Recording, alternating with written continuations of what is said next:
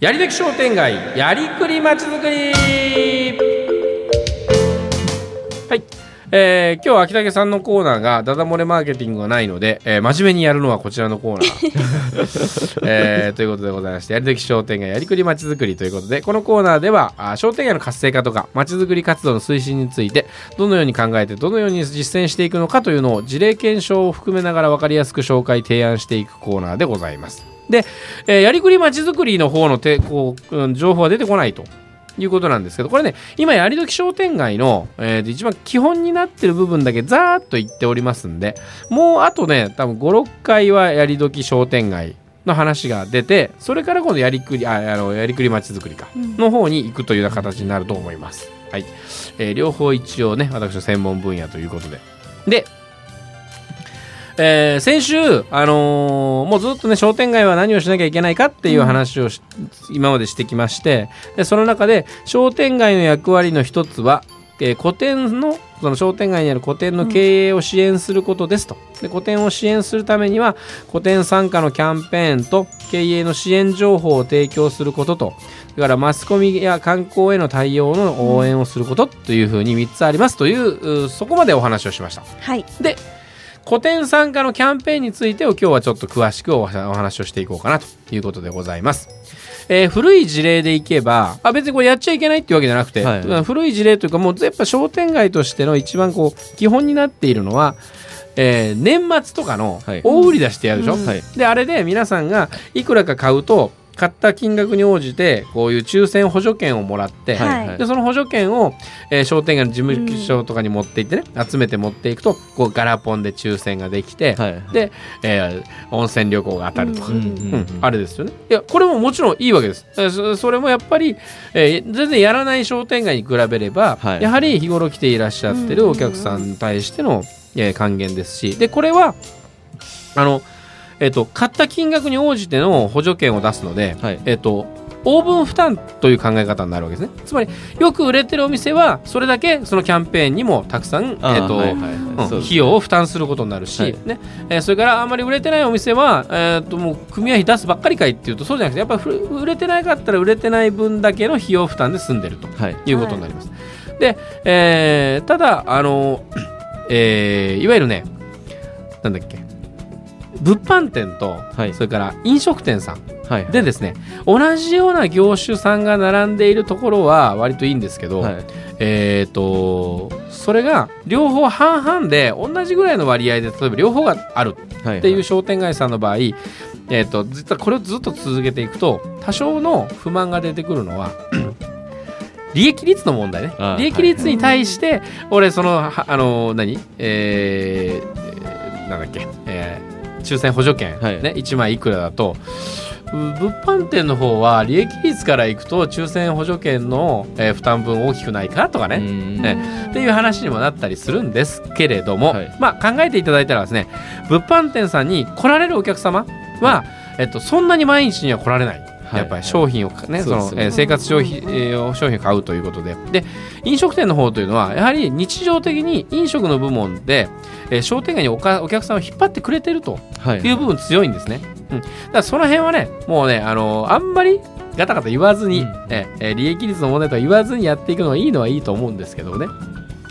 それと,、えー、ともう一つだからあの古いやり方で、えーこの辺でいくとお私は直接に話をしてさせていただいたのは文字の中央、えー市場、はいはい。はい。はい。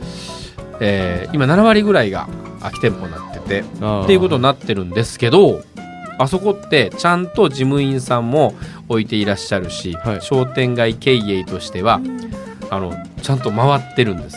あそうなんですね。そう。なぜって話なんですけどはいはい。シール事業ってわかります？知るええ。これはさっきの大売り出しの時だけじゃなくて、はい。日常的に100円買って1枚シールをもらって、でそれをこう台紙に貼ってね、む昔ありましたね。そうそうね、ほら昔あったんです、はい。昔あったんだけどそれ今例えばポイントカードのこう電子的な、はいはいはい。カードに変わったりとかいう商店街もあるんですけど、はい。まあ、それでもいいんですけどね。要するにあのいくらかかったらそれに見合うシールをもらってこう貼る、はい。で台紙にいっぱいになったら、はい。それを商品券と交換してくれる、はい。でこのシステムは、はい。一見古臭くて、はい。で手間かかってるシステムに見えるかもしれませんが、これをやっているところ今でもずっとこれをやっている商店街はものすごく強い。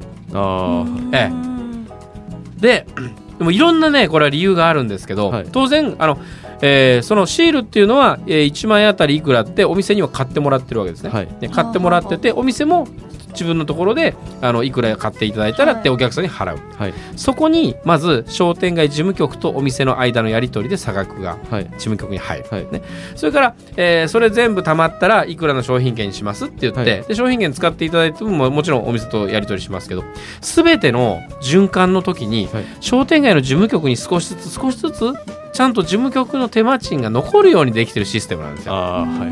えでそうするとやっぱりみんなで使っていくシステムをその皆さんの負担で、えーきっちりあの成立させるという、本当に商店街がやっていかなきゃいけないシステムがっちり守られてるとはい。いうことと、そのシールのやり取りをすることで事務局とお店がいつも日常的につながりが持てるんです。はいはい。えだからものすごくアナログで古臭い感じだと思われていてもシール事業がもしね、はい。で今今から逆に言うと最近シール事業を始めはじってあのスタートさせ始めたところもあるんですよ。へでポイントカードよりシール事業の方が実は受けがいい、ポイントカードあのピッてこれ通してとかね、はいカード出してくださいってカード出したらそれに見えない点数がついてるより、はい。シールをこう貼って集める集めてあのはいここがね商店街的なわけです非常に。ああなるほど。お客さんにとっても。もええ。というようなこともあって、あのーえーそうなのって思ってらっしゃる商店街の方あると思いますけどあのこれ一度その数字お金の回り方という点から考えていただいても、えー、と十分に成立するし商店街の運営資金になります、はいはい。ええ。ー考えていただいたらと思うんですね。はい。うん。はい。えーそれからまああとはね、えースタンプラリーをやったりして、はい。えー個展に誘導しましょうというお話もしました、はい。これはそのスタンプラリーの用紙とかを組合の費用で作ってはい。でそれでいろんなお店を回ってもらう、商店街の一つの魅力というのはやはり同じところのエリアの中に複数のいろんな業種の店舗が集まっているということなので、やっぱそこを日頃から、えー知っていただいてで、えーせっかく来てもらったらこのお店からこのお店このお店とこのお店っていうふうに買い回りをしていただきたいとはい。いうことなんで、えーそれを促進するためのスタンプラリーなどをやるということともう一つスタンプラリーを大抵こう展開しようと思ったら、はい。あのお店どこのお店がどんなものを売っています？でそのお店はどこにありますっていうマップと一緒に作らざるを得ない。ああはいはい。ね。でそれはその商店街の宣伝ツールになるんですよ。そのまま、結局。よその人に例えばうちの商店街でこういうもこういうとこなんですって見せる。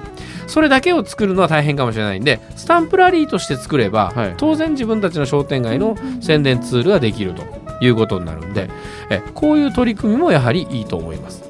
で今まで2つ出したものについては基本的には組合員さんから、えー例えばそのおシールも一応買っていただくし、はい。それからスタンプラリーの時にも、まあ、多分スタンプラリーでじゃあ参加していただけるんだったらつっていくらか費用を出していただいて、はい。でその事業を成立させる方法なんですが、はい。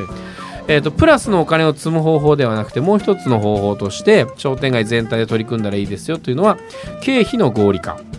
今度ははい。かかっていたお金を、えーそれぞれのお店でかかっていたお金をみんなでまとまってやることによって、えー費用を安くしましょう。はい。という方法ですね。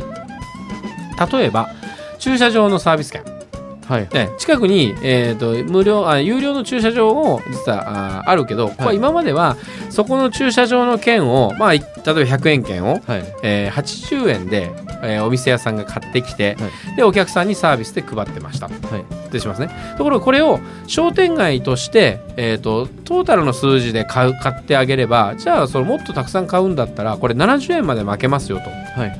ね、100円の券を70円で買える、ただ70円で1回組合が買って、はい。で組合がそれぞれのお店に72円で渡してあげる、はい。はい、そうすると組合も2円残るしお店は8 8円円。ダウンする。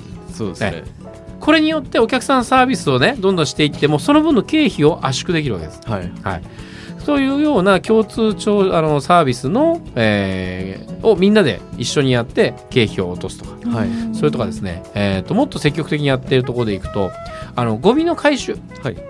これ飲食店さんとかそれから本来はやっぱ普通の、えー、と事業者さんも、はい。事業者だから普通のゴミとして出していけないわけですね。そうですね。えー事業ゴミとして回収しなきゃいけないんで、それを商店街全体ではい。もう一つの業者さんにお願いしましょうと。うんということによってそれぞれのお店では月にもう1万円今まで1万円だったり2万円だったり払ってたものを、はい。それがもう、えー5000円でいいですよってなれば、と特にねゴミ処理の方はものすごい、あのー経費を落とせる効果があるんですよ。でこれを、えー一斉にやると。うんでそれのついでにですね例えばあの街の美観を整えるためのそのゴミをちゃんと捨てるステーションみたいなのはいをえー、ととそのきっちり作りましょうよと、ね、でそこにみんなで出しましょう、はい。ということも合わせてやったりしてでそうすると古典が払っていた経費をまたぐっと下があの下げることができるとはいこういうふうに経営合理化という点でも、えー古典さんそれぞれが集まってきてみんなでその商店活動として一つになってやればいいメリットが出ますよとうんいうことがあるわけですね。このあたりが、はいえー今日古典参加というものをををそのもう本当に個々の力です。ね、ちっちゃい力だけど集まって商店街になったら大きな力として、えーそのプラスアルファのサービスができたり、うん。それから経費をぐっと落とすことができたりできますよとはい。いう、そういうお話でございました。はい。えーやってない商店街の方は何かやっぱ考えて一つぐらいやると、おなんかうちの商店街変わってきたと思われるかもしれません。そうですねはい。ということでございます。来週はですね、経営支援のための情報をしっかり商店街の皆さんは組合員さんにお伝えしてますかという、そういうお話をですね、させていただこうと思っております。はいはい。えー、逆さ意見のやりどき商店街やりくりまちづくりでした。